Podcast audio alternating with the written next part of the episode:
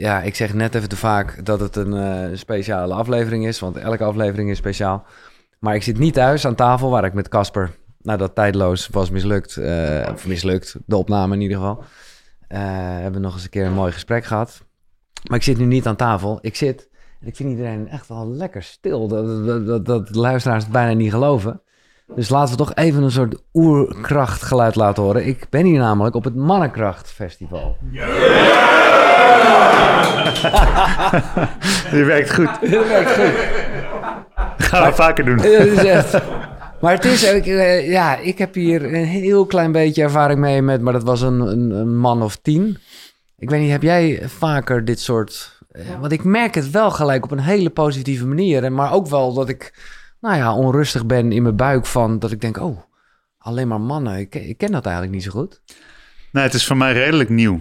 Ja. Ja, nou, ik heb, ik, ik heb wel eens wat mannenwerk gedaan, cirkels begeleid en zo, in een kleine setting. Maar wel in retreats waarbij we dan ook uit elkaar gingen tussen de mannen en de vrouwen en later weer bij elkaar kwamen. En ehm, dus ja, het is nieuw voor mij. En, en over het algemeen is het, is het publiek waar ik me meestal voor bevind, eh, is over het algemeen 60 tot 80 procent vrouwelijk. Ja, En eh, dus ja, het is leuk. ja. Ja. En hoe voelt het bij jou? Merk je ook, want jij, bedoel, het is pas net begonnen als we hier zitten, maar had je een beetje hetzelfde? Ja, het is altijd een beetje vaag zo lullen over energie, bla bla bla. Ja. Maar ja, nogmaals, ik merk, ik voel het wel. Ja, zeker. Ja, en ook nu omdat het, eh, iedereen komt nog een beetje aan en zo. En langzamerhand begint iedereen zich te realiseren dat het allemaal gelijkgestemde mensen zijn. En dat het een veilige plek is. En eh, dat is wel tof. Ja. Het is nog een beetje, iedereen is nog een beetje aan het aanvoelen. Eh, voor de mensen die Casper niet kennen, ja, check vooral onze eerdere gesprek. Eh, De Breathwork Biohacker. Is het nog steeds wel je Instagram naam eigenlijk? Geloof het wel, ja. Ja, ja. Ja. Voelt het ook nog steeds zo? Jawel, Ja, ja. Eh, Er er zitten twee belangrijke dingen in. Nou ja, ik weet dat we het, het eerste gesprek heel erg over het biohacken gehad hebben. En breathwork, nou daar ja, ben ik en jij vooral nog veel meer mee bezig. Ook mooie dingen die we samen gaan doen.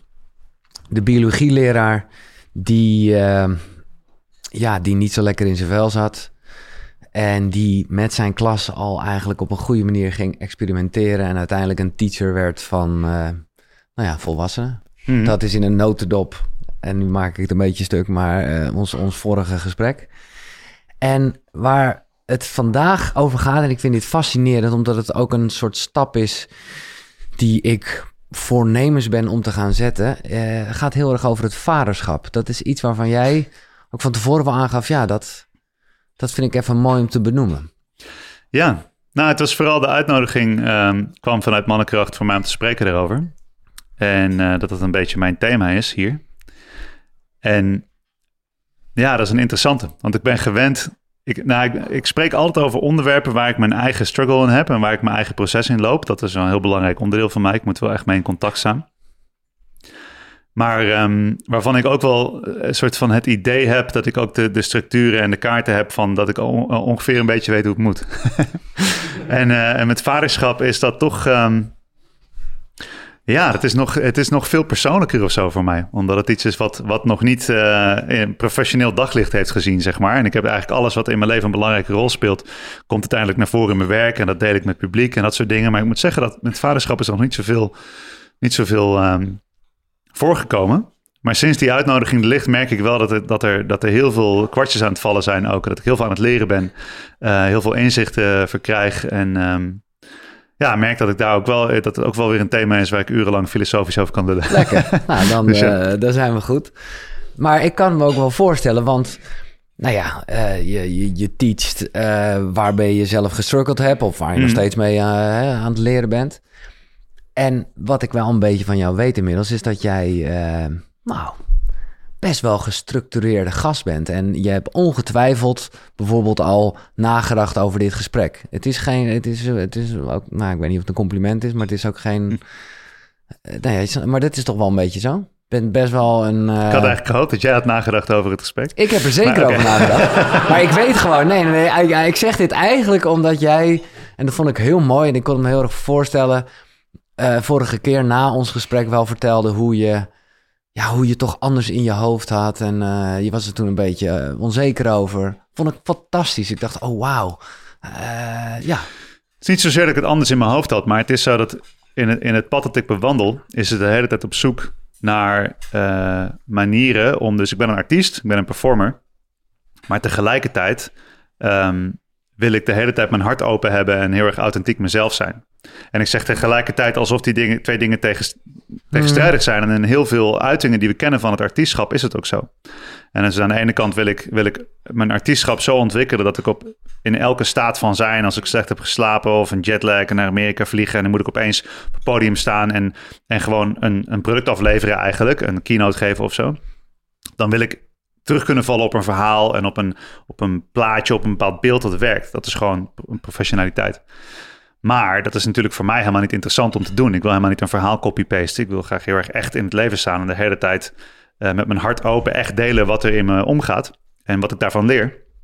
En door de manier waarop dat gesprek ging, en dat merk ik bij elke grote podcast of elke grote soort van media moment wat ik heb, moet ik elke keer mijn, mijn comfortzone weer oprekken. Mm. Omdat er weer een nieuw niveau uh, voor mij beschikbaar is van open zijn en echt zijn en mezelf zijn.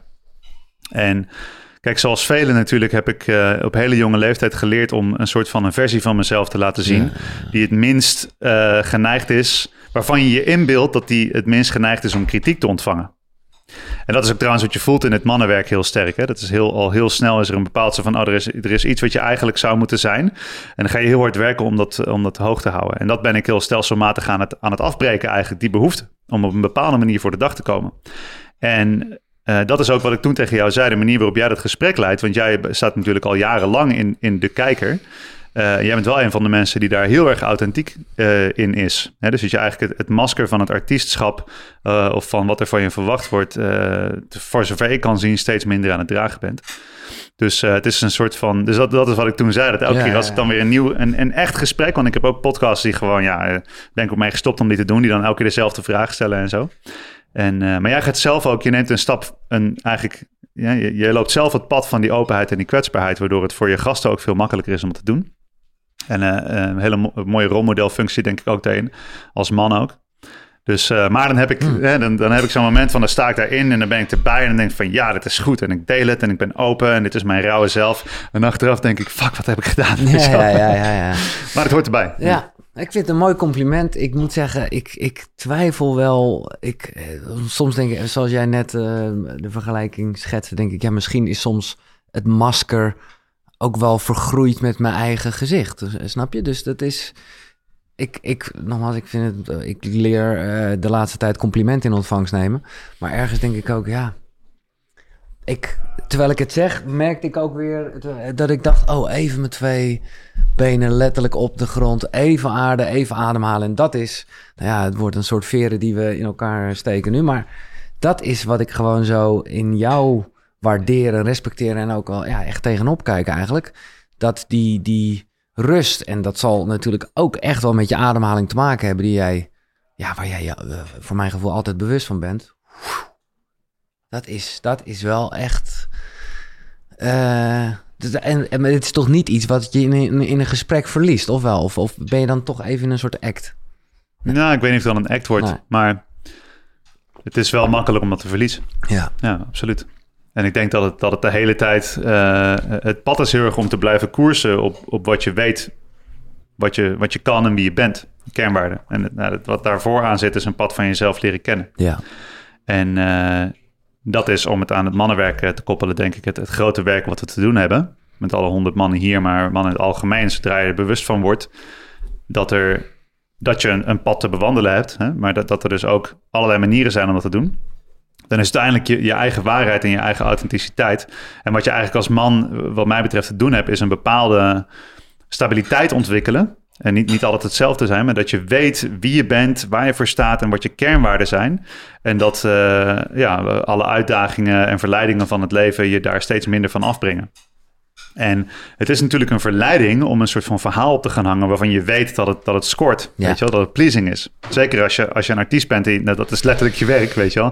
Mensen hebben een bepaalde verwachting en je gaat op een podium staan. Ja, ik kan ook niet op podium. De meeste podia waar ik sta, kan ik ook niet uh, zelf uh, in huilen uitbreken. Want we hebben zoiets van, hé, hey, uh, dat hebben we niet geboekt, weet je wel. um, nou, heb ik wel steeds vaker dat ik ja. me in groepen bevind Zo. waar dat gewoon kan. Ja. En dat is ook doordat ik steeds beter mijn publiek ken. Ehm, eh, voel ik ook dat ik steeds beter echt helemaal eh, mezelf kan zijn. Ik vind het mooi als jij zegt, eh, even voor de duidelijkheid, want ik weet dat je het zo bedoelt, als je het hebt over stabiliteit, dan is het misschien heel mannelijk om daar juist een soort rotsvaste pilaar in te zien. Maar wat ik zelf steeds meer merk en leer, is dat het toch, dat het misschien het grasprietje wel stabieler is. Wat, zeg je dat? Ja. Wat er heel erg meegaat met de... Nou, om het brugjes te maken naar vaderschap. Als je dus als man in de aanname leeft dat je een soort van op één manier kan zijn en op één manier voor de dag kan komen. En dat is je, zo kan je altijd zijn. Nou, dan moet je dat kinderen nemen. ja, dat is wie, ja, want dan weet je gelijk. Ja, tenminste, dat is wel mijn ervaring. Ja. Dat is wel echt mijn ervaring. Eh, omdat je dan. ehm, Kijk, het is denk ik heel.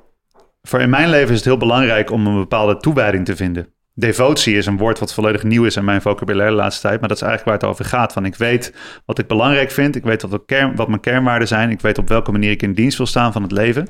Ik weet ehm, hoe ik met mijn kinderen wil omgaan, bijvoorbeeld. Ehm, en dat is, dat is helderheid. En dat is soort van de, de koers, het punt op de horizon. En dan vervolgens stap je daarmee het leven in. Ja, en het hele, het hele soort van de functie van het leven, wat mij betreft, is natuurlijk om de hele tijd daar nieuwe uitdagingen en weer nog een andere. eh, eh, ja, eh, om de volgende hoek is weer een, een ander thema waar je dat weer opnieuw aan moet eiken. Dus het is de hele tijd weer herijken op wat voor jou echt is en wat voor je belangrijk is. Maar dat is toch wel iets, of dat heb je gewoon toen zelf nooit zo gevoeld of benoemd, wat jij, nou ja, in het begin, hè, als die biologieleraar die ineens erachter kwam dat er bepaalde life hacks waren, laat ik het zo maar even zeggen, dat is, dat is toch ook devotie? Of was dat meer... Maar daar was ook het schakelpunt. De, het moment dat ik echt verantwoordelijkheid kon nemen over mijn eigen leven, is dat ik mezelf beter begreep in relatie tot anderen.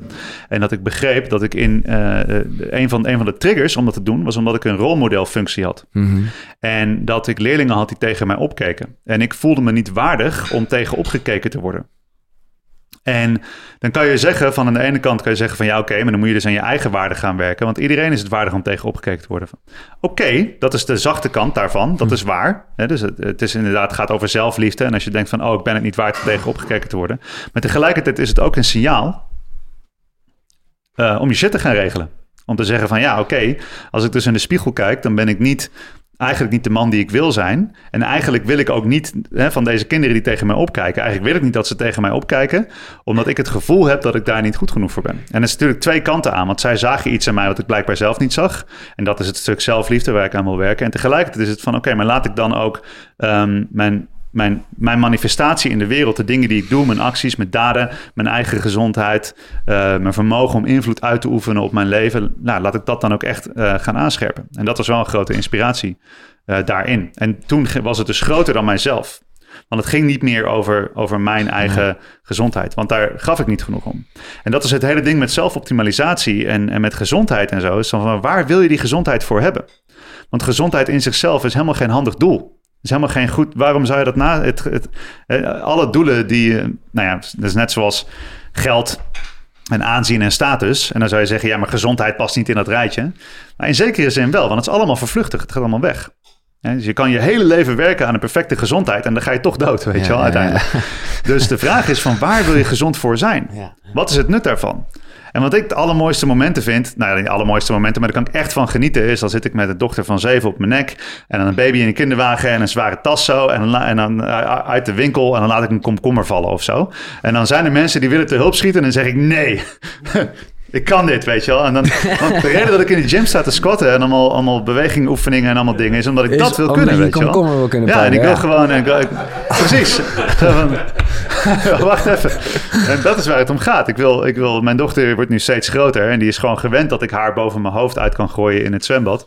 En, eh, en, en, en dat wil ik. Daar gaat het om. Dat is waarom ik gezond wil zijn. Dat is omdat Ja. ik met haar wil kunnen spelen en stoeien en dat ik, dat ik fit ben. En, eh, en ik weet ook wel dat als ze 18 is, eigenlijk, ja, het is wel mijn doel eigenlijk als ze 18 is, dat ik haar nog steeds boven mijn hoofd uit kan gooien. Ja, dat lijkt me super Blijven trainen, ja. Het raakt me heel erg, Casper, wat je zegt. En met een stukje waarbij ik ineens denk, oh, fuck. Eh, en het is ook gewoon zoals het gelopen is in mijn leven. Maar ik dacht altijd dat de reden waarom ik nog geen vader ben... heel erg zat in ah, verantwoordelijkheid die ik niet durf te nemen... en vooral mijn eigen leven. Maar ik denk dat het hem best wel zit in dat ben ik het waard om, om tegenop gekeken te worden? Dat, dat, hoe is, ja, hoe ging dat bij jou, bij je dochter, je eerste kind? Wat, hoe, ja, hoe stond je erin? Nou, ik moet zeggen dat op dat moment was ik heel blij dat het een meisje was. Want ik had het idee dat ik beter wist hoe ik een rolmodel kon zijn voor een meisje. En het had ook te maken met mijn ervaring in het onderwijs. Dat ik um, het, vreemd genoeg makkelijker vond om, om me in te leven in de problemen die meisjes hadden. En vaak was ik dan een soort van vertrouwenspersoon. En dan kwamen ze mhm. bij me. Of er waren dan eh, meiden die dingen aan het uitpraten waren. En dat ik dat makkelijker vond om te navigeren. Uh, want als bijvoorbeeld twee jongens ruzie hadden, dan had ik zoiets van: waarom, waarom hebben jullie niet even gewoon even een beetje zo, uh, een beetje stoer doen tegen elkaar en, dan, en daarna geef je elkaar een bro hug en dan snap je het weer, weet je wel? Heb je broers en zussen? Ik heb alleen maar broers, ja, ah, vijf, okay, vijf okay, stuks. Oké, nee, maar um, maar goed, ja, ik weet niet precies waarom dat zo was. Maar er was, uh, ik, ik, ben, ik ben door mijn moeder opgevoed. Ja. Um, in mijn, uh, ja, mijn belangrijkste rolmodellen waren allemaal vrouwen. Um, en uh, in mijn leven. En ik, ik vond het makkelijker om me daarin in te leven. In, in dat vrouwelijke. En uh, er zijn ook hele heftige dingen heb ik meegemaakt van kinderen met hele slechte thuissituaties. Dat ik gewoon voelde van ik zou nu helemaal klaar zijn om het kind te adopteren. Dat ik gewoon zo van het, praktisch gezien zou dat een, ramp geweest zijn. Maar dat ik echt letterlijk aan tafel zat bij mijn vrouw thuis. En dat ik zei van dit, ik moet er iets aan doen, weet je wel. Dus ik had een soort van, een soort van vaderlijke drive uh, die voelde ik al. En toen mijn dochter geboren was, weet ik nog dat ik een soort van opluchting uh, had dat het een meisje was. Want ik had het idee dat ik een beetje had uitgevonden hoe die werken door in het onderwijs. En ik weet nog dat toen ze een baby was. Ja. En uh, ze huilde veel en ze sliep slecht. En ik had echt een hele grote challenge dat ik echt zo dacht van... Ah, ik kan niet wachten tot ze een puber is. Want ik weet hoe pubermeiden werken. Want daar heb ik gewoon tien jaar mee gewerkt. En nu denk ik van, nu is ze zeven. En ik denk, oh shit. Oh, God, oh, ik heb nog vijf jaar voordat ze gaat puberen, weet je wel. En... Um, dus dat is wel heel grappig. En ik, ik was toen ook natuurlijk heel vaak uh, in een hele gekke rol. Want ik gaf wel eens uh, praatjes over het puberbrein aan ouders. En omdat bij mij in de klas waren die kinderen altijd heel blij en heel leuk en ze deden hun best en zo. En, en, en dan kwamen ouders dus aan mij advies vragen over hoe, hoe ze met hun kind moesten omgaan. Uh, zo van ja, maar bij jou luistert hij wel bijvoorbeeld. Ja, ja, ja, en, dan, en, dan, gaf ik heel blij allemaal advies. Uh, en als ik nu terugkijk, denk ik van ja, ik had eigenlijk geen flauw idee. Uh, zeg maar in, in de context van de, de klas en van mijn werk wist ik wat ik deed. Hmm. Maar als ouder is het heel anders. Dus um, ja, het is niet zo uh, dat ik het gevoel had dat ik er klaar voor was. In de zin, in de zin dat ik er, ja, zo van ik weet hoe het moet. Maar ik had gewoon een hele sterke drive opeens om vader te worden. Het kwam zo, opeens was het daar gewoon zo van ja, ik wil gewoon een kind. En ik heb geen flauw idee hoe het werkt en, uh, en hoe het moet. En uh, en ik denk ik spreek best wel veel mannen die zeggen van ja, ik, ik, zou wel graag vader willen worden. Of die hebben een hele sterke drive. En die hebben dan het gevoel van ja, maar hè, wat je zegt van uh, ik moet eigenlijk mijn eigen mijn verantwoordelijkheden nemen en mijn dingen regelen en bepaalde dingen op orde hebben om dat te kunnen doen. Um, maar wat ik ze heel sterk heb ervaren, is dat de, een, een kind, voor mij, mijn kinderen, kwamen in mijn leven met een hele nieuwe bak levensenergie. Waardoor ik in één keer begreep wat ik moest doen. En ik had bijvoorbeeld uh, Atlas, is dus afgelopen januari geboren. En ik had uh, rondom zijn geboorte had ik drie maanden vrijgepland. En dan dacht ik van, nou, dat heb ik goed geregeld. Ik kan drie maanden gewoon thuis zitten, naar die baby staren. En uh, ik hoef dan nergens heen, weet je wel. Toen was hij geboren. Ja, de gast ligt gewoon te slapen de hele dag. en ik zat daar echt met zo'n... Ik was zo geïnspireerd dat hij er was. Weet je, wow, nieuw leven. En, ik, en, en ook omdat het... Ja, het is toch anders in relatie tot als, als man, als vader in relatie tot zoon dat ik een soort van, soort van creatiebehoefte had. Zo van, ik, ga, ik wil iets maken, ik wil iets bouwen.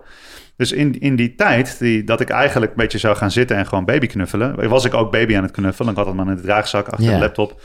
Maar um, ja, mijn, mijn team is verdrievoudigd en het bedrijf is, uh, is verviervoudigd in omvang. En uh, ik had allemaal nieuwe projecten en allemaal dingen wat gewoon ging lopen, zeg maar. En dat viel allemaal op zijn plek. En uh, bij mijn dochter was het eigenlijk ook zo. Die werd geboren. En toen stond ik net soort van op het randje van het begin van deze carrière. Ik had net uh, Mindlift uitgebracht. En ik was net uh, voor het eerst echt mijn workshops aan het organiseren. En toen kwam zij in mijn leven. En toen had ik, had ik echt zo van... Oké, nu... Now it matters, weet je wel. Nu gaat het echt ergens om. Want die kleine kijkt mee. En, uh, en, en ik wil uh, iets, iets creëren wat inspirerend is voor zo'n kind om rondom op te groeien. Ja, zit er ook gewoon iets in? Uh, want jij, en dat vind ik mooi hoor, hebben het heel erg over het creatieve wat dan komt.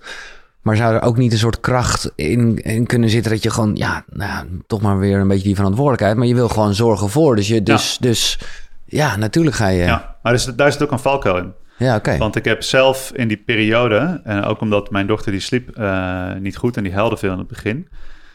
Ik noemde dat dan zelf, ik weet niet of dat een officieel ding is of een echt bestaande diagnose, maar ik noemde dat meal provider syndrome. En dat is best wel lastig, ja, want ik wil heel graag bij mijn kinderen zijn. Ja. Maar ik wil ook heel graag mijn kinderen voorzien in wat er voor ze nodig is. En uh, dus ik wil ook heel graag mijn werk doen. En, en mijn pad bewandelen en mijn bedrijf bouwen en de dingen doen die gedaan moeten worden. Maar dan ben ik dus niet, dan ben ik er dus niet bij. Uh, of dan ben ik er minder bij. Ja, dus dat is, en, maar als ik, er, als ik er dan niet bij mijn, bij, mijn, uh, bij mijn kinderen ben, dan moet ik dus ook de hele tijd alleen maar nuttige dingen doen.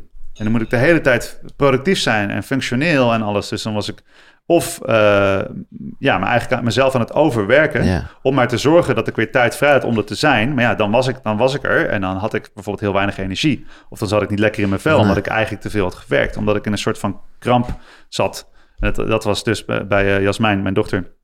Bij de eerste was het zo dat ik echt een soort van...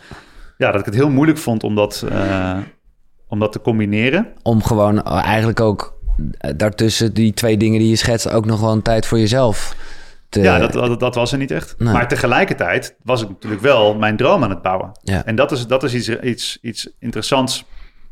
Iets waar ik het vanavond ook nog over ga hebben. Is het, is het van, je hebt je pad als man uh, en je hebt je vaderschap. En uh, veel, vaak spreek ik mannen die kiezen om geen vader te worden... en zeggen, nee, maar ik wil mijn pad bewandelen. En ik, ik heb nog dingen te doen en ik wil nog reizen... en ik wil nog uh, dat soort dingen doen. Of die zeggen, ja, ik wilde eigenlijk dat pad bewandelen... maar nou heb ik een kind. Ja, ja, ja. En dat er een soort van ruil is geweest. En ik denk dat er, een, dat er een integratie mogelijk is. Maar die is wel moeilijk om dat voor elkaar te krijgen. Ik denk ook dat het eerste, maar dan spreek ik namens mezelf... dat dat ook een... Uh, daar zit heel veel angst in. Ja. Uh, hè, dus als je zegt, uh, dat is, nou ja, nogmaals, het is uh, wat ik dan. En het zelf... is ook heel makkelijk om te zeggen van ja, ik heb nu kinderen. Ja. En er zijn heel veel dingen waarvoor dat zo is, weet je wel. Want als je dan, kijk, als je geen kinderen hebt, dan snap je dingen gewoon niet. Je hoort gewoon niet bij het clubje, weet je wel. Ik weet nog wel eens vroeger door de supermarkt liep en ik zag dan uh, uh, een ouder met een kind van twee. En een kind van twee was aan de schap aan het leegtrekken en aan het schreeuwen en allemaal dingen. Dan had ik zoiets van, hé, hey, controleer je kind Regel even, dat weet je wel. Een ja, oordeel. En als ik dat nu zie, dan ga ik, dan ga ik erheen zo van... oké, okay, check. Jij doet het winkelkarretje. Ik hou die gozer vast. Jij gaat betalen. Ik betaal wel voor je, maak geen fuck uit zo, weet je wel. Zo van, oké, okay, we got this, weet je. We begrijpen elkaar. Of dat je elkaar zo'n knikje geeft. Dit soort dingen, dat, die, die, ja, dat, dat weet maar je kan je een voor. tipje van de sluier uh, op, uh, gewoon geven... hoe jij denkt dat die twee paden... dat dat prima één pad kan zijn? Nou, het is, het is aan beide kanten uh, moet je een bepaalde prijs betalen. Er is een bepaalde prijs voor. Um, als Tibor heel mooi zegt van uh, alles heeft een prijs. En als je iets wil, moet je die prijs betalen. Dus het is heel erg kijken van wat is er voor nodig om, om uitleiding te vinden. En, en dat, is niet, dat is niet heel makkelijk.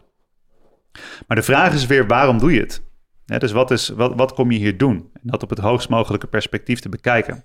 Ik heb wel eens het... Um, in het begin had ik wel eens het gevoel van ja, ik ben nu mijn, mijn droom aan het bouwen en mijn carrière en mijn boek en alle dingen die ik aan het doen ben. En ik heb wel eens het. Vroeger, vroeger had ik schuldgevoel. Zo van ja, maar dat doe ik en daardoor ben ik minder bij mijn kind. En ik had blijkbaar het idee van ik moet daar de hele tijd zijn. Maar het is ook omdat ik voor een heel groot deel mijn vader niet uh, ja, in de buurt heb ja, gehad. Dus in mijn aanname van wat is een goede vader, ja, die is er gewoon. Ik heb ik begin heb ik tegen mezelf gezegd, als ik er gewoon ben. En zeg ik tegen van als je er gewoon bent, je bent er gewoon, gewoon aanwezig zijn. Dan doe je het al, al beter dan de helft van de vaders van de generatie waarin wij opgegroeid zijn. Gewoon aanwezig zijn. Ja. Maar eigenlijk, wat ik nu zie, is dat ik wil. Uh, als ik kijk naar bijvoorbeeld mijn. Uh, uh, nou, allebei mijn ouders wel, maar mijn moeder dan, die is nu net met pensioen gegaan. En die heeft drie onderscheidingen gekregen ja. voor haar werk, voor haar levenswerk. Ze heeft in. Papua Nieuw-Guinea waanzinnig mooie dingen gedaan. Ja. Echt een zuster in de oer. Ja. ja en ze heeft op een internationale zuster. nurses conference heeft ze een onderscheiding gekregen. Ja. Ze is geridderd, de orde van de koning en uh, de prijs van de hogeschool, al die dingen. En uh, als ik terugkijk, zie ik inderdaad dat ze best vaak er niet was. Maar ja, ze was alleenstaande moeder en ze was heel hard aan het werk. En, en, maar ondertussen ook carrière aan het maken. Ze was niet alleen maar aan het werk om de hoek in het ziekenhuis als verpleegkundige. Um, en dan kwam ze thuis om bij ons te zijn. Of ze was, kon ze eerder thuis zijn. En ze reed elke dag een uur heen en een uur terug. Duizenden kilometers per jaar naar Utrecht. Omdat ze daar een carrièrekans zag. En ze was altijd een, een boek aan het schrijven. En altijd aan het bijstuderen en al die dingen. Dus ik heb altijd begrepen. Het was voor mij volkomen duidelijk waarom ze er niet was. En, en nu dat ik zo haar levenswerk zie, zo vlak na haar pensioen, en ik zie wat ze allemaal voor elkaar heeft gekregen en, en dat ze echt innovaties heeft doorgebracht in de wereld die, die voorbij haar zullen verder leven, denk ik van ja, dat heeft mij wel altijd geïnspireerd. En dat heeft mij ook gevormd tot wie ik nu ben. Dus ik denk dat het ook heel goed is om te erkennen als, als vader, dat als je een drive hebt om een bepaald pad te bewandelen, um, en er komt een kind uh, bij. Hè? Dan is zo, oh, dat kind is erbij. Dan moet ik de hele tijd heen en weer schakelen. Maar je kan het ook zien, want het kind is voor jou de inspiratiebron om het echt goed voor elkaar te krijgen. En tegelijkertijd ben jij de inspiratiebron, want je geeft een voorbeeld van wat het is om je pad te bewandelen ook uh, door er soms uh, niet te zijn, omdat je daarmee bezig bent. Dat is ja, want het is zo van, ja, wat wil je? Een vader die de hele dag op de bank zit naar jou te kijken en de hele tijd vraagt, hoe was het op school en zal ik een boterham voor je smeren? Of een vader die iets heel erg inspirerends aan het doen is en het, ik heb een beetje zo'n beeld van die terugkomt van de strijd met grandioze verhalen en, en, en grote winsten. Ja, dat, dat is een, ja, dat, dat vind ik een mooie manier om naar te kijken. Maar het is wel, het ligt er heel erg dus aan hoe je dat doet. En of, je, of je verbonden bent met de hogere purpose daarvan. Want uh, zoals ik het in het begin deed, de eerste twee, drie jaar toen ik vader was, was ik dus heel erg zo van, oh, ik moet, ik moet het voor elkaar krijgen nu. Dat was heel krampachtig. En ik bereikte er wel alles door. Dus aan de buitenkant uh, kreeg ik het ook wel voor elkaar. Dat is wel zo. Maar uiteindelijk was het natuurlijk niet goed voor, niet de beste manier voor mij om het te doen. Waardoor het dus ook niet het beste is uh, voor mijn kinderen om het zo te doen. Ik wil nog even naar uh, de geboorte van Atlas, je zoon. En je mm. hebt al aangegeven dat was toch iets waar je, nou ja, nou ja, tegenop zag is een groot woord, maar ik bedoel, ik, uh, ik ben blij in, zoals je het net vertelt, dat het, uh, dat het een zoon is geworden, zeg maar. Wat, wat, ja, ik weet niet of je, het, of je daar woorden aan kan geven, maar wat, wat, voor, wat voor een gevoel gaf je dat? Juist omdat je, nou ja, dat in het begin blij was dat het dan... Uh, oh zo, ja, nee, ik moet zeggen dat ik, uh, dat ik nu heel erg klaar was voor een jongetje opeens. Ja. Dat klopt helemaal, ja. Dus dat was Wisten wel... jullie het al van tevoren? Ja. Ja, ja, oké. Ja, ja, En, um... Maar wat veranderde, ja, daar ben ik wel benieuwd naar. Wat veranderde dat uh, bij jou in je hoofd en in, je, in je energie? Ja, dus ik, ik heb ergens het idee dat mijn, het, het heel bewust ontwikkelen van van mezelf als man. Ik ben er heel lang mezelf bewust aan het ontwikkelen, maar het heel bewust mezelf ontwikkelen als man, wat ook hier gebeurt. dat je echt dat, die identificatie of die vorm die je aanneemt in dit leven als man, om dat te gaan uh, ontwikkelen. Um, ik heb het idee dat dat daar heel erg door gevoed is, door dat te weten dat ik een zoon krijg. Maar het is lastig om te zeggen, want het is sowieso een thema wat steeds meer... Ja, kijk maar hoeveel mensen hier ja, zitten. Ja. Um, maar wel om me echt af te vragen van, uh, ja, archetypisch ook. Hè? De, de, de vader en, en de zoon, die hebben een ander iets dan de vader en de dochter. Dat is gewoon zo. Dat is gewoon een, een ander ding. En ik merk dat ik van mijn, uh, van mijn dochter heb ik echt geleerd om te dansen met het leven. Om niet de hele tijd stabiel te zijn. En, en om, uh, om, om mee te bewegen. En om een bepaalde soort um, intimiteit te leren. Een bepaalde soort nabijheid. Bij intimiteit denken mensen vaak aan, aan seksualiteit. Maar intimiteit gaat eigenlijk over nabijheid. En je bent bij niemand in je leven zo dichtbij. Niks is zo intiem als met je kinderen. Dat zijn de enige mensen in je leven waarbij je een, bepaalde, een bepaald contact ervaart. Wat zo ongelooflijk dichtbij is. Hè? Dus dat je elkaar in elke seconde 100% helemaal kent en voelt. En um, ja, dat heb je eigenlijk ja, misschien met, met, met, met een partner of met vrienden of zo, maar dat is toch anders. Het is een andere soort. En dat is iets wat mij uh, enorm heeft geraakt en wat mijn hart echt enorm heeft geopend. En uh, ja, Jasmijn is echt een meisjesmeisje. En die is altijd aan het dansen en altijd aan het spelen en altijd aan het bewegen. En ze voelt alles haar fijn aan. En uh, dus uh, ik probeer een soort van stabiele man te zijn die zijn dingen voor elkaar heeft. En is dat kind, dat neemt me overal mee naartoe. Ook emotioneel en alles. Dus het is een constant, ja, constant onderzoek. En dat is echt prachtig. En um, ja, ik, ik weet, ik moet, ik, ik moet denken aan The Lion King. nu we het erover hebben, weet je wel, in relatie tot Atlas. Want er is zo'n. Uh, uh, nou, dus, ja, die hele film gaat eigenlijk over het archetype van de koning. Ja. En het archetype van de koning is eigenlijk het archetype van de vader. En uh, het archetype van de koning is eigenlijk de ultieme embodiment van, van het mannelijke, van het masculine. En dus ook de vader, want de koning is de vader van het land. En uh, dan heb je Mufasa, weet je wel, de vader. En het is, hij is een ultiem toonbeeld van rechtvaardigheid en van kracht en standvastigheid. Maar ook zachtheid richting zijn kind. En aanwezigheid en wijsheid doorgeven. Alles zit erin. Maar als je, als je vroeger de Lion King hebt gekeken en lang niet hebt gezien, dan moet je even verdiepen in de archetypen en dan nog een keer Lion King kijken als huiswerk. En, het, is echt, uh... en uiteindelijk heeft hij dus, hè, en, en Simba die vlucht dan. En dan is hij jarenlang weg. En dan komt Nala, hè, dus de, de vrouw, eigenlijk de koningin, die komt als vrouw hem uitnodigen om weer een man te zijn. En hij, is, hij heeft al die tijd heel comfortabel een jongetje kunnen zijn. Um, nou, en dan komt Rafiki, dat is natuurlijk de shamaan, hè, die, die, die helpt hem dansen tussen de werkelijkheden.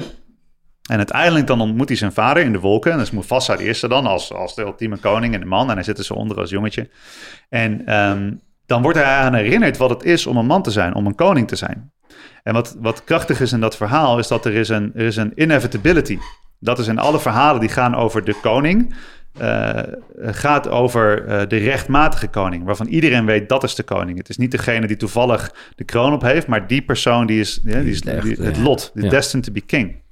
En dan ziet hij zichzelf in zijn vader en dan weet hij weer wat het is uh, dan weet hij opeens wat het is om een man te zijn. En dan gaat hij zijn hele hero's journey belopen. En dan, is, dan laat hij zien dat hij de koning is. Omdat hij, omdat hij zijn, zijn lot matcht met competentie.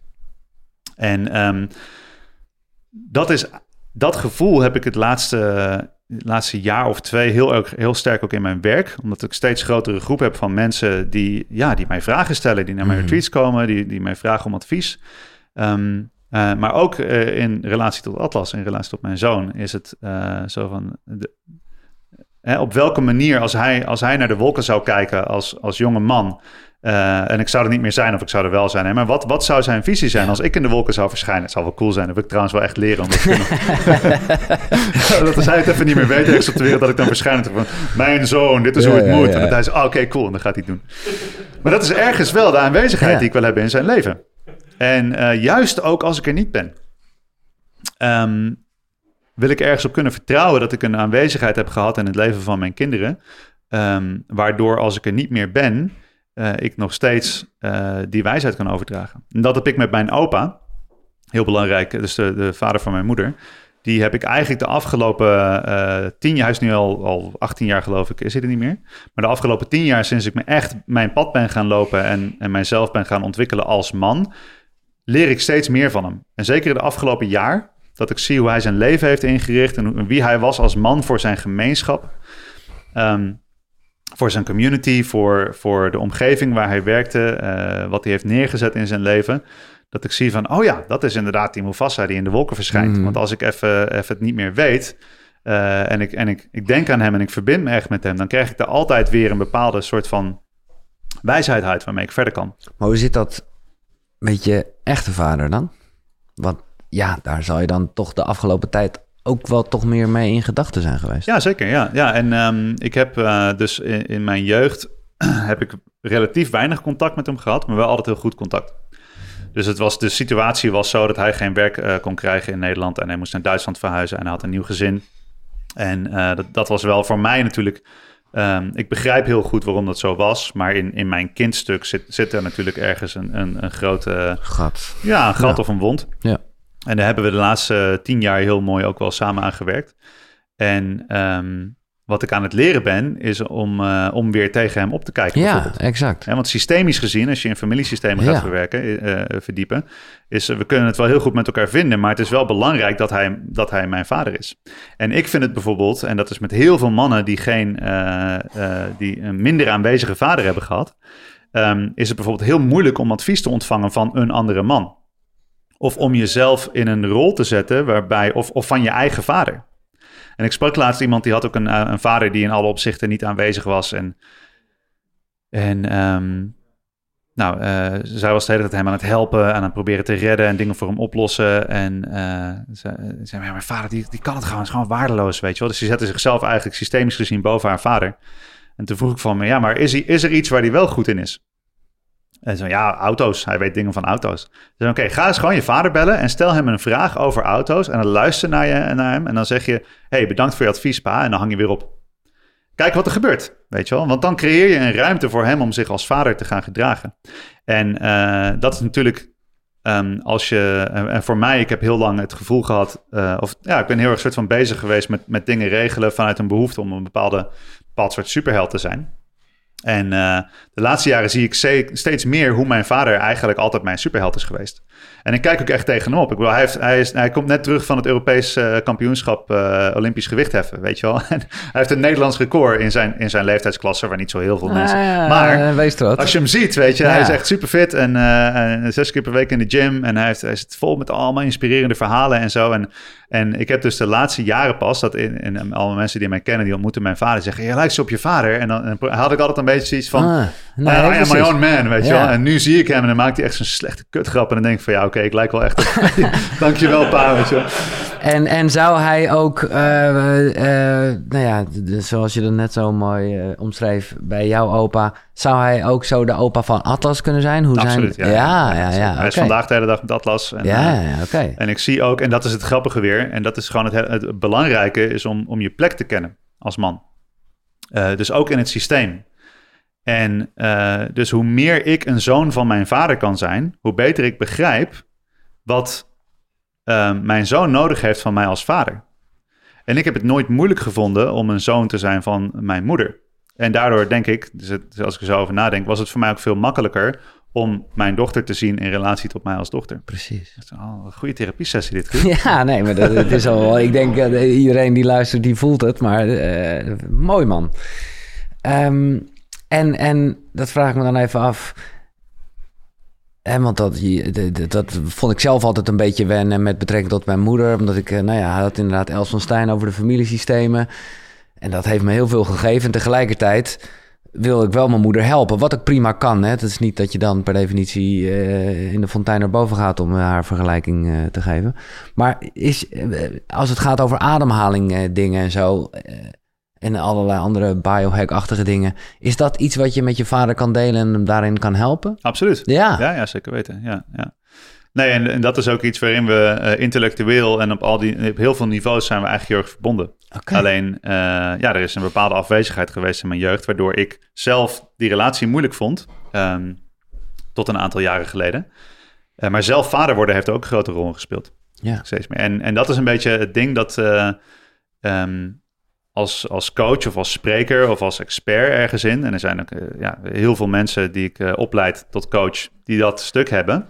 Van wie ben je aan het redden, is dan de vraag. Wie ben je eigenlijk aan het redden? En dan zei hoezo? Ik wil gewoon mensen helpen. Ja, oké, maar je bent het pad gaan bewandelen. Want er ergens in je leven iemand was die iets nodig had wat jij niet kon geven. En jij bent het nog voor aan het oplossen. En dat is ongeveer acht van de tien coaches die ik, uh, die ik opleid. Die hebben dat inderdaad. En vaak is het een vader of moeder die ergens een, een afslag hebben gemaakt. En dat ze dat hebben meegemaakt als kind of ergens in hun leven. En dat ze op zoek zijn naar informatie om die ouders te redden. Waardoor ze een soort van heldenreis in zijn gegaan om allemaal dingen bij alles wat je ze vertelt. hebt, Alles wat ze leren, denken ze, oh misschien kan dit mijn moeder helpen. Misschien kan dat mijn vader redden. Dus er zijn iemand aan het redden die misschien niet eens meer te redden is. Maar dat maakt niet uit, Nee, want nee, nee. Het is niet jouw, jouw taak om die te redden. Dus het, het, is heel belangrijk om daarin eigenlijk op de vraag te wachten uh, van ouders. En nou, nou, als ze een vraag stellen, dan krijgen ze ook, uh, dan krijgen ze ook antwoord. Ja. Wat mooi, man. Uh, is, is er nog een ander... Ja, jij in een, in een post op Instagram, at Kaspersfocus, had je, had je het over de cadeautjes van het vaderschap. Mm. En ik vond dat mooi, omdat ik ook wel... Nou ja, eh, we hebben het natuurlijk vorige keer gehad over ochtendrituelen en sowieso routines en dingen. Nou, jij komt daar nu, zeker uh, in het begin, best wel mee in de knel. Want te weinig slaap, ja. uh, dingen. Um, dus nou ja, eigenlijk zijn dit twee vragen. Hoe is dat en, en maar waar, wat zijn dan de cadeautjes eigenlijk? Ja, dat is een hele mooie. Want uh, ja, de afgelopen... En ik weet nu ook al dat ik deze podcast ga terugkijken... en dat ik de wal onder mijn ogen zie... en dat ik denk van, ah, zie je, weet je wel. En uh, dat is best wel lastig. Omdat ik... uh, Omdat je gewoon... De afgelopen zeven of acht maanden heb ik zeg maar... Uh, voor het grootste deel de nachtdienst gedraaid. Vannacht ook. Um, omdat, uh, ja, zijn moeder die, die slaapt eigenlijk niet. En um, als je kijkt hoe de, de stress als van een vrouw... en fysiologisch gezien getuned is... is heel anders dan een man. En zeker in relatie tot het kind. En dus wanneer, wanneer de baby dan beweegt, dan is zij meteen de hele nacht wakker. Ja, en eh, zij heeft al het hele kind gemaakt en op de wereld gezet en moet ze van herstellen. Ja, dat, ik, wil, ik wil gewoon dan mijn, mijn rol spelen en die nachtdiensten nemen. Maar ondertussen, ja, het bedrijf aan het groeien. En, um, dus het was heel erg dat ik echt merkte van, ja, eh, ik moet nu eh, walk the talk doen. Ik, ik kan daar niet. En ik had laatst zat ik in een gesprek met iemand van als je geen, als je geen ouder bent, als je geen kinderen hebt en je bent niet je pad aan het bewandelen en je bent niet super fit en je hebt geen inspirerende baan of bedrijf. Wat de fuck ben je aan het doen dan? Weet je zo. Dat is helemaal niet judgmental bedoeld, maar ik had gewoon zoiets van dat iemand zei van, ja, weet je, dat- ik had gewoon zo'n moment dat iemand tegen me zat te praten van, ja, nee, dan doe ik een ochtendritueel, dan neem ik lekker drie uur de tijd voor mezelf. Dan denk ik, wat de fuck, drie uur? Doe normaal. En, ehm, maar dat is heel mooi, want eh, een van de cadeautjes daarin, er zitten heel veel cadeautjes in, maar eh, wat voor mij heel belangrijk is, is om te gaan zien wat dus weer de purpose is. Het is de moeite waard. Ik heb het jaar voordat Atlas geboren werd, ehm, heb ik heel veel tijd gestoken. Anderhalf uur in de ochtend, mijn ochtendritueel en eh, meditatie en met voeding en alles. En ik was echt super fit toen hij geboren werd. En dat is dus weer de vraag, waar doe je het voor? Nou, de reden dat ik fit wil zijn, is omdat ik mijn fitheid ergens voor in wil kunnen zetten. Dus ik heb, ik heb zeker, laten zeggen, de eerste vijf, zes maanden... heb ik mijn bedrijf kunnen runnen... en mijn community, mijn, mijn tribe uit kunnen bouwen... mijn team uit kunnen bouwen, mezelf ontwikkeld als leider... Uh, ik ben er geweest voor mijn vrouw. Ik heb veel tijd gehad voor mijn, voor mijn kinderen. Veel aanwezig geweest. Um, mijn shit gewoon geregeld in heel veel opzichten. Uh, heel veel dingen opgeruimd in mijn leven. Mijn eigen persoonlijke werk gedaan. En daarvoor heb ik een prijs betaald. En die prijs was mijn fysieke gezondheid. Dus zo het begin van de zomer liep ik tegen een muur aan. Of nou, niet eens, ja, dat ik echt merkte van oké, die muur komt heel dichtbij. Ik heb een buffer opgebouwd in de tijd hiervoor. Die heb ik willens en wetens ingezet, mijn gezondheid. Nu voel ik me zwak, ik voel me moe, ik ben aangekomen, ik voel me niet thuis in mijn lichaam. Um, en nu is het tijd om daar wat aan te gaan doen. Nou, dan moet je weer een andere prijs betalen, weer op een andere manier dingen gaan aanpassen. Uh, en, en, nu voel ik me weer een stuk fitter om, dat, om dat weer te gaan doen. En dus een van de cadeautjes daarin is dat het is een grote variabele waar je geen controle over hebt. En daardoor, hè, dus je, je kan op papier klinkt het heel goed om een ochtendritueel te hebben en om goed voor jezelf te zorgen en om met alle dingen bezig te zijn. En als je, als je weinig on, ongecontroleerde variabelen hebt, je hebt een heel stabiel leven, dan, ja, dan is het relatief eenvoudig om dat te integreren. En dat is waarom van als je, als je geen kinderen hebt en je bent niet uh, super fit nee, en zo, dat is natuurlijk hem, dat is een extreme manier om het te zeggen. Maar ja. um, wanneer je kinderen hebt, is er opeens een hele grote variabele in je leven. Praktisch gezien, maar ook emotioneel gezien. En dat is voor mij persoonlijk een van de grootste cadeaus van het vaderschap. Is dat um, een vriendin van mij, Kimberly Ann Johnson, die is nogal uh, een legende in de, vooral onder de bewuste geboortes. Die heeft een boek geschreven, Het vierde trimester. En, um, maar goed, die, uh, die, die zei een keer: um, Every phase of your child's life is an opportunity to reparent yourself at that age. En dus elke fase van het leven van je kind is een kans om jezelf in die leeftijd opnieuw op te voeden. Dus er is een constante spiegeling gaande. Ik sliep vroeger heel slecht, als vier, vijfjarige. En ik kwam niet goed in slaap en ik lag dan uh, ja, met veel te grote thema's in mijn hoofd lag ik wakker. Ik weet nog dat ik bijvoorbeeld wakker lag uh, na te denken over oneindigheid toen ik vijf was. En dat ik me zo voorstel van wat is dat dan? En dat was dan veel te groot en dan raakte ik in paniek en dan probeerde ik mezelf rustig te maken en dan ging ik er toch weer over nadenken. En ik soort van helemaal vastliep, weet je wel. En ik had er echt heel veel last van om wakker te liggen. En mijn dochter die komt ook moeilijk in slaap. Maar die ligt eigenlijk gewoon blij. Tenminste, dat kon ik heel lang niet zien. Want ik denk van, oh nee, ze ligt wakker. Dus ik word gespiegeld aan wat ik het allerergste vond als kind. Namelijk wakker liggen met mijn eigen gedachten. Weet je wel, in de tijd dat ik, dat ik mijn leefstijl zo slecht was. En dat ik echt verslaafd en, en te dik was. Ja, toen lag ik s'avonds in bed tv te kijken en gewoon zappen. Want ja, nog geen Netflix, dus dat is alleen maar zappen totdat ja. er iets soort van voorbij komt. En dan was het altijd mijn challenge. Want met de tv aan kon ik niet slapen. Dus ik moest dan in mijn allerlaatste moment dat ik voelde, nu ga ik echt in slaap vallen, snel nog de tv uitzetten. dat ik net misschien drie seconden had dat ik nog wakker was. Maar dat ik niet, zeg maar, als ik een Kon minuut in bed moest liggen en in mijn, naar mijn eigen gedachten moest luisteren, weet je wel. En, ehm, dus ja, dan zie ik mijn dochter wakker liggen. En ik zie dan niet dat zij gewoon blij een boekje aan het lezen is terwijl ze wakker ligt. Ik zie dan mijn hele struggle over hoe ik wakker lag. Dus de vraag is in de eerste instantie, wat heb ik nodig dus wat heeft dat deel van mij, wat het daar moeilijk mee heeft gehad als kind, nodig gehad toen en dus nu nog nodig, uh, om hier helemaal oké mee te zijn. Dan is de lading eraf. En dan kan ik op een hele andere manier uh, met haar uh, omgaan. Dus je eigen, je zelfsturing, je zelfregulatie wordt daardoor uitgedaagd en dus ook getraind als je daar bewust mee aan de slag gaat. Mooi man, dus daar waar, waar een, een relatie altijd al een soort spiegel is, is een, is een, is een kind bijna helend, zoals ik jou uh, hoor. Ja, wat mij betreft wel, ja. ja. Het is echt een helende reis. Um, als je ervan bewust bent. Want het is ook heel makkelijk... Um, om in oude want al je onderbewuste patronen komen ook boven. Dus het is heel makkelijk om in oude dingen te vervallen. Ja.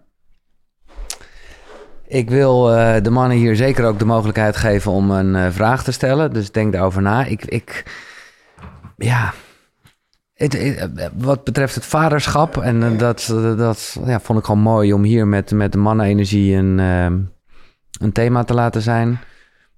Ja, weet ik niet of jij nog iets hierover zeker te zeggen hebt of kwijt wil? Um, nee, niet per se. Nee. Dan wil ik gewoon even naar eh, Casper de Biohacker. Uh, omdat ik recent, en dat is al lang geleden, een podcast van jou luisterde. En toen dacht ik, oh, dit had ik... Nou ja, dus, dat was een heel mooi inzicht. Waarbij dat eigenlijk ging over... En het, heeft, eh, het is veel spiritueler dan gewoon even een leuke lifehack. Dat... Dat, ja, ik weet niet meer hoe de podcast heet. Want daar, later dacht ik, daar zit het al gewoon in. Maar het ging heel erg over doelen stellen en het gevaar daarvan. Weet je wat ik mm. bedoel? Mm, misschien.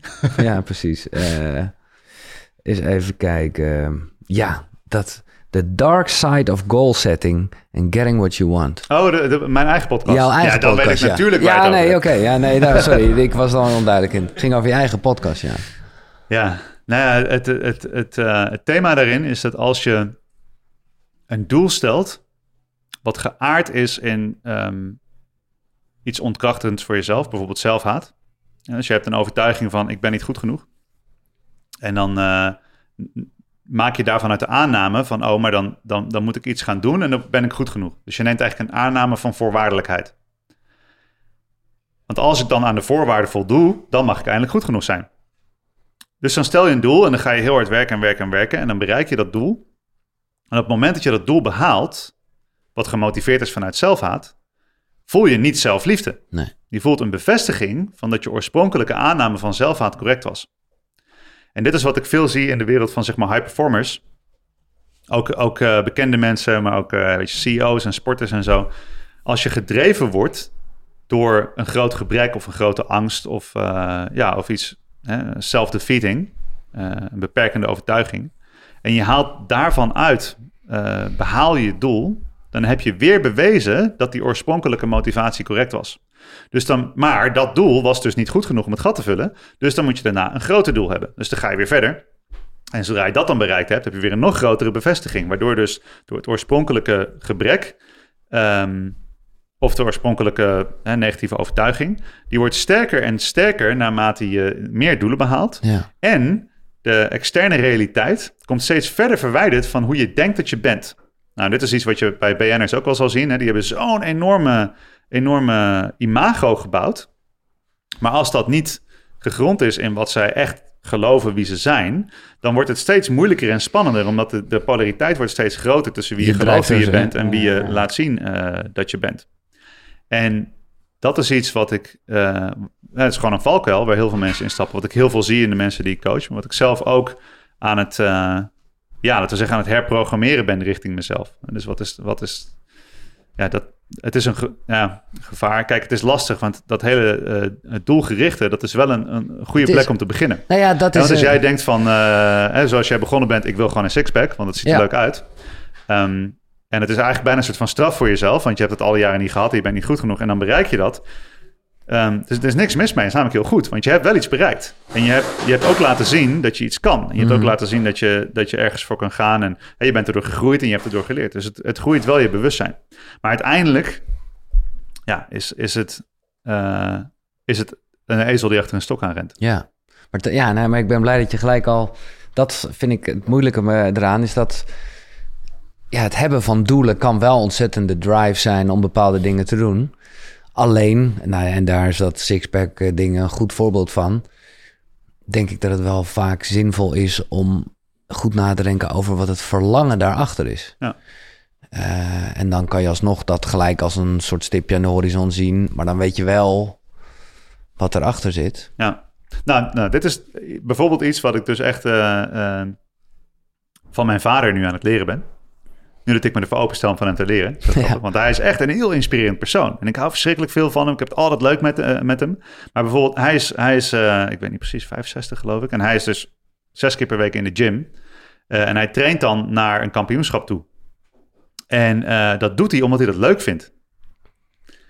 En ik precies van, als je naar een kampioenschap toetraint, dan doe je dat om te winnen, weet je wel? Ja, ja, ja. En, en hij wil ook performen. En hij is ook echt bezig met zijn performance, helemaal uitlijnen en allemaal dingen bestuderen en trainen. Hij is een fysiotherapeut, ze weet veel van en zo, heeft heel veel kennis.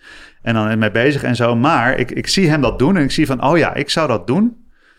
Uh, misschien nu zou ik het anders doen, maar vroeger toen ik wel eens ook zelfs met hardloopwedstrijden, no chance dat ik ooit in de top 10% zou komen. Maar ik was mezelf aan het behandelen alsof ik als een topatleet uh, het moest behalen, weet je wel. En dan is het ook, komt weer de, de self-judgment erbij en zo. En het is natuurlijk altijd goed om uh, als je niet presteert zoals je wil presteren, echt jezelf aan te kijken van, hé, hey, wat heb ik hier zelf aan gedaan? Heb, ik, heb ik het wel echt gedaan? Dus het is ook balans vinden.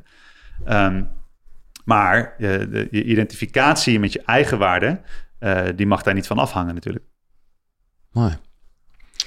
Uh, ja, ik denk dat het moment is om uh, de microfoon open te stellen. mag ik sowieso al, dat voelt altijd lekker en even ontlading, een applaus voor Casper van der Meulen. Ja.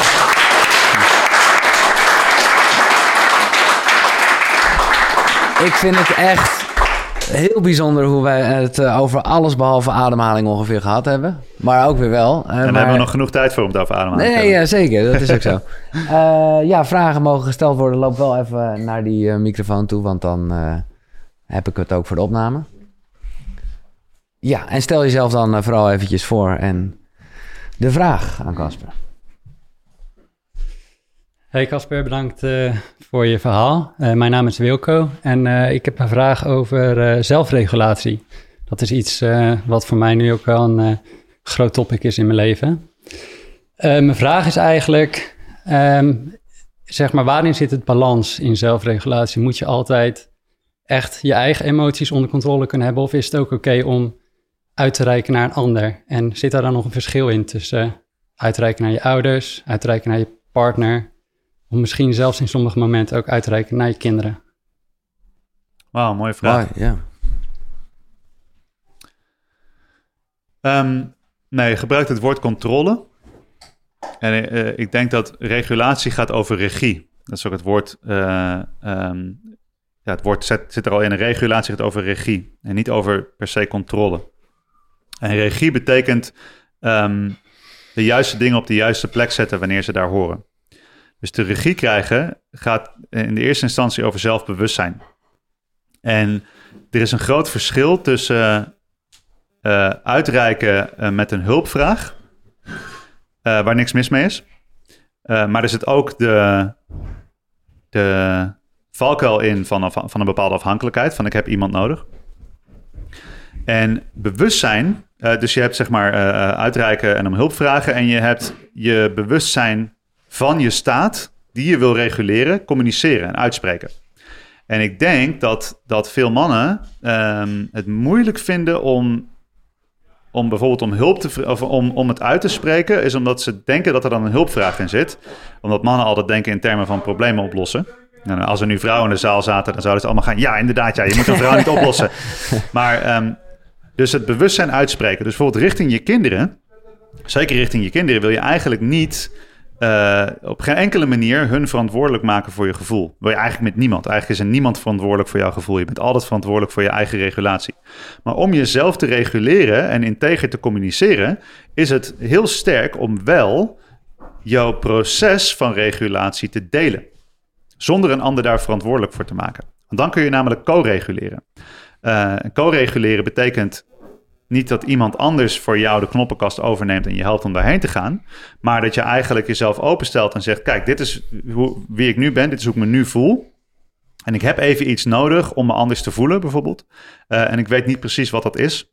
Uh, maar ik ga er even mijn best voor doen. Dit is voor mij ook iets wat ik met mijn dochter aan het oefenen ben. Want zij is heel erg, ze is echt een actrice en drama queen. En, dan wordt ze, oh, nou alles, als ze dan niet kan slapen, dan wordt alles moeilijk. En dan merk ik dat ik er chagrijnig van word. En dan gaan we allebei in steeds hogere emotionele staten eigenlijk. Want dan denk ik, oh nee, ik moet toch een strenge vader zijn. En dat werkt dan natuurlijk helemaal voor geen meter. En als ik dan zeg van, oké, ik merk dat ik hier stress van krijg. Ik ga even weg en zorgen dat ik me beter voel. En dan kom ik terug om me beter te voelen. Ja, dat is een script wat ik toevallig drie weken geleden van een therapeut heb gekregen hoor. Ik ben geen genie. En, ehm, maar dit is wel, hè, dit is een hele mooie verwoording van iets waar ik in mijn volwassen leven veel makkelijker vind. Om dat gewoon uit te spreken. Om te zeggen van, hé, hey, ik voel even dat er iets niet oké is. Uh, en daar moet ik even mee dealen. En dan kan die ander daarop reageren door bijvoorbeeld een suggestie te doen. Om, of door te vragen, wat heb je nodig? En dan kan je weer bij jezelf voelen, oh ja, wat heb ik eigenlijk nodig? En is dat iets wat ik van jou uh, kan krijgen? Dus ik denk dat um, zelfregulatie gaat ten eerste over bewustzijn. Je moet eerst weten in welke staat je bent. En je afvragen of die staat matcht met wat je nodig hebt. Um, en dan, dat is het enge gedeelte, is, is dus gaan kijken in jezelf en ook naar buiten. Van wat heb ik tot mijn beschikking om dat te gaan doen? Met de, met de wetenschap dat je een donkere hoek instapt. Want je kan het niet controleren. En dat is het kwetsbare gedeelte. En dat wat er vanochtend heel, heel mooi werd gezegd, hè, van je gevoel delen. Uh, dat, is, dat is je superkracht. Maar dat betekent niet per se uh, bij iedereen hoeven uithuilen. Um, en dat is ook heel erg vaak in relatie moeilijke, moeilijke situaties met ouders. En gewoon om te zeggen van, hey, ik voel iets in mezelf. Ik merk dat ik door deze situatie dit voel. En dat vind ik geen fijn gevoel. Daar wil ik even wat aan gaan doen, bijvoorbeeld. En dan is die ander op de hoogte en dan kunnen ze ervoor kiezen om, om je te helpen reguleren. Maar, maar alleen al... Kon je, kon je ja, sorry, maak ja? je zin af? Nee, alleen al? Nou ik hoor je vooral zeggen, en dat, dat vind ik mooi, dat je, dat je niet de illusie moet hebben dat je de controle over hebt. Mm. Dat je dat, want, want dat voel ik ook een beetje. Dan is het een bekende soort bal onder water houden waarvan je gewoon weet, ja, uh, Dan, oh, dan ben je heel erg aan het reguleren dat je de bal onder water houdt. Maar het moet eruit, toch? Ja, ja kijk, het is meer een, een kapitein worden van je schip. Ja. Want je kan uh, altijd bepalen welke touwen je aantrekt en hoe je de zeilen bijstelt. Maar je kan niet uh, bepalen welke storm er komt of uh, welke golf er komt of hoe het weer is, zeg maar. Is, is dat een zinnig antwoord? Je Nee. Ja, zeker. Ik vond het een beetje spannend. Daarom was ik even weggelopen van de microfoon, maar uh, even mezelf reguleren. Ja, um, ja nee, dankjewel. Ja, het is, uh, ik denk voor mij ook gewoon vooral een moeilijk uh, topic om echt te, te begrijpen. Maar uit jouw verhaal begrijp ik ook, het is vooral gewoon oefenen en soms gaat het ook wel eens fout. Ja. Maar vooral gewoon uitspreken, integer zijn, dat soort dingen. Ja, en ja. rust nemen. En je voeten op de grond zetten en je adem voelen. En nou, dus het is zo grappig, want in zo'n moment dat iets spannend is, is, het heel, is stilte heel eng. En dit heb ik ook precies zo moeten leren uh, als het podium opsta, uh, opstap. En um, ik ben zenuwachtig, dan ga ik ratelen.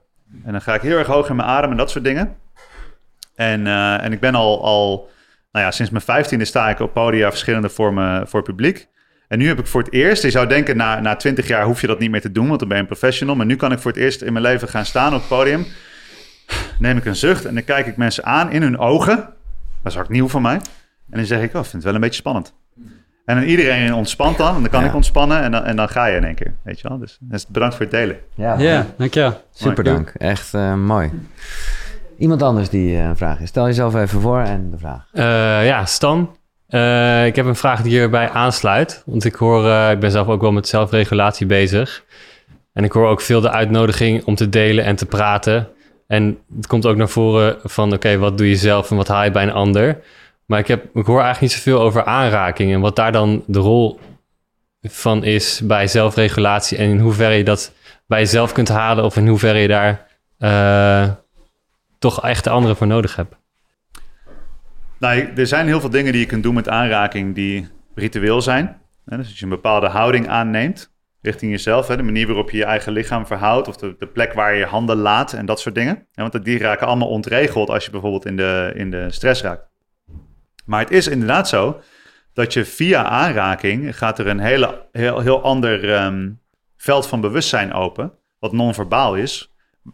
Ja, en, en, via dat kanaal kunnen we eigenlijk veel meer weten over de staat van een ander en wat die ander nodig heeft.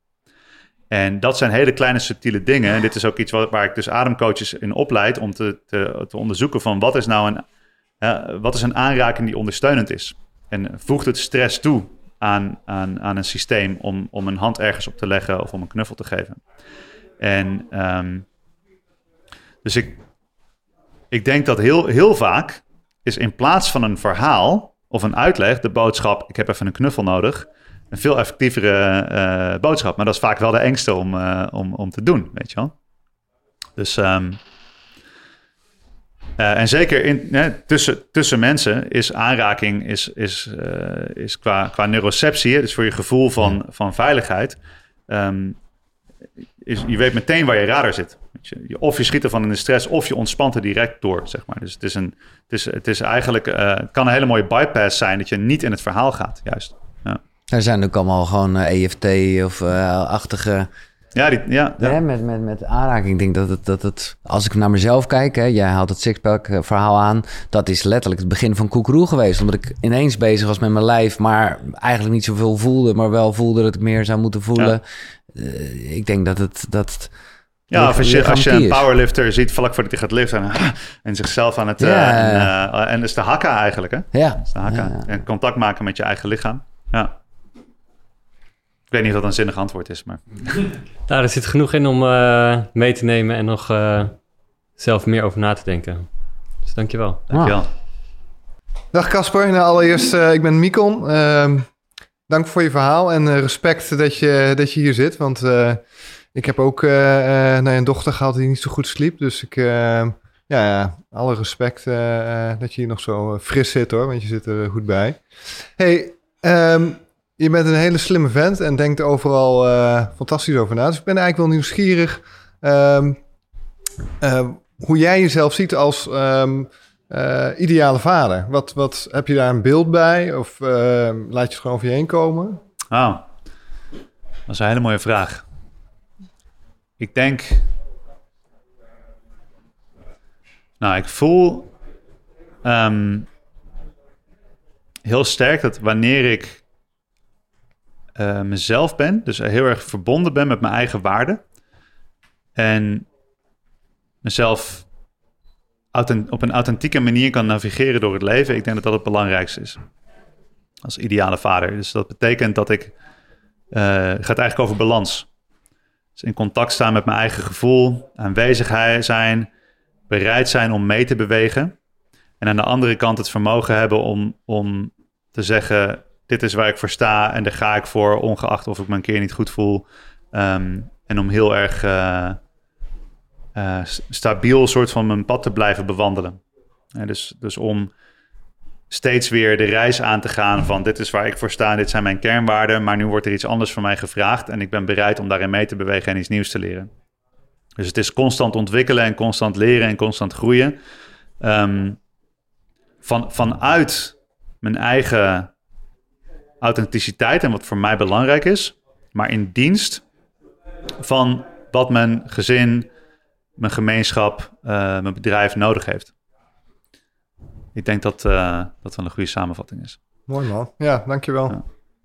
Ja. En om op dat laatste stukje aan te haken, ik, zeg steeds ook gemeenschap en bedrijf, is dat mensen die geen vader zijn of geen vader willen worden, ehm, je kunt, hè, het, arge- het, een vader zijn kun je voor heel veel dingen doen. Hmm. Welke, welke, in welke aspecten van je leven kun je meer een vader zijn? En dan, en dan is het de vraag, ook als je geen kinderen hebt, is het, is het een kind die jou een vader maakt? Nou, vaak wel. Maar tegelijkertijd kun je ook kijken van wat is het wat de vader doet in jouw eigen ogen. Want dat is in heel veel opzichten hetzelfde als de koning. En eh, ja, ben, ben je een goede vader van bijvoorbeeld je bedrijf of bijvoorbeeld eh, de, de mensen waar je leiding aan geeft? Want in elke, in elke rol waarin je leiding kunt geven, kun je leren van wat een vader is en hoe een vader aanwezig is. En van wat je zelf gelooft dat het, eh, dat, dat het de juiste manier is. Dat is wat, wat, wat een wat een mooi, eh, Casper. ja. nee, maar echt, omdat ik het wel ken van systemen, hè, familiesysteem, dat, dat geldt voor alles. Hè, dus dat geldt ook voor bedrijven en veel groter. Dus ineens, ik bedoel, eh, aan het begin van het gesprek was ik vooral heel erg benieuwd, omdat ik de wens heb om, nou ja, vader te worden zoals we dat kennen, namelijk met, eh, met baby's. Eh, maar aan het eind van het gesprek blijk ik al lang vader te zijn. Zeker, Ja, ja. dat is even. eh, dat is wat. Ja, bedankt daarvoor. Nee, nee, maar serieus. En dit is ook echt een rol die, die. Nou ja, die moet je wel pakken. Of daar moet je in ieder geval bewust van zijn. En nu leg ik misschien heel veel druk op. Maar Ja, nou ja, pakken. Ja, het is, het is eh, je plek kennen. ja, Ja, en, en, dan, en als je je plek kent, dan kun je hem innemen. En dan kun je kijken wat waar hoort. En dat is eigenlijk hè, dus het archetype van de koning. Wat eigenlijk ook in veel opzichten het archetype van de vader is, gaat over eh, right order. Dat is de- eigenlijk de, wat mij betreft de belangrijkste. En right order gaat over begrijpen wat waar hoort. Ja, dus als je denkt aan een koning en een koninkrijk, die is de koning omdat hij het meest competente is om de koning te zijn. En die begrijpt wie de beste is om de schatbewaarder te zijn. En mensen betalen met liefde belasting aan, de, aan een rechtvaardige koning. Want ze zeggen, ja, ik weet niet, jij bent degene die weet wat er met het geld moet gebeuren in het koninkrijk. Doe jij het maar. Dus het gaat over right order. En er zijn plekken in je leven als man, ook als je geen kinderen hebt, waar je een vader bent eigenlijk. En door dat in te zien, kun je die rol aannemen en kun je veel sterker in je rol staan. Nou, de mannenkracht eh, spat er even vanaf. Nee, maar ik meen het eh, serieus. Eh, mag ik nogmaals een applaus voor Casper van der Meulen. Dankjewel. Dankjewel. Ja, vol mannelijke energie. Als je hier meer van wil weten, check ook vooral de link in de beschrijving. Want Mannenkracht heeft ook nog wel meer verdieping, ook online. Eh, we zullen hier nu wel wat meerdere gesprekken gaan opnemen. Ik ben heel benieuwd, want ja, vrouwencirkels en toestanden eh, waar ik dan niet bij betrokken was, eh, heb ik ook wel op het Koekeroe-kanaal aangeboden. Maar hoe, nou ja, hoe is dit ervaren? En dit is toch ook wel misschien waar als je een dame bent, misschien met rode oortjes hebt zitten luisteren. Nou, dat zal wel meevallen. Maar ik ben heel benieuwd naar, naar wat, het, wat het in je oproept en wat je ervan vindt. Dit was Koekeroe. Tot de volgende zonnegroet. Hoi.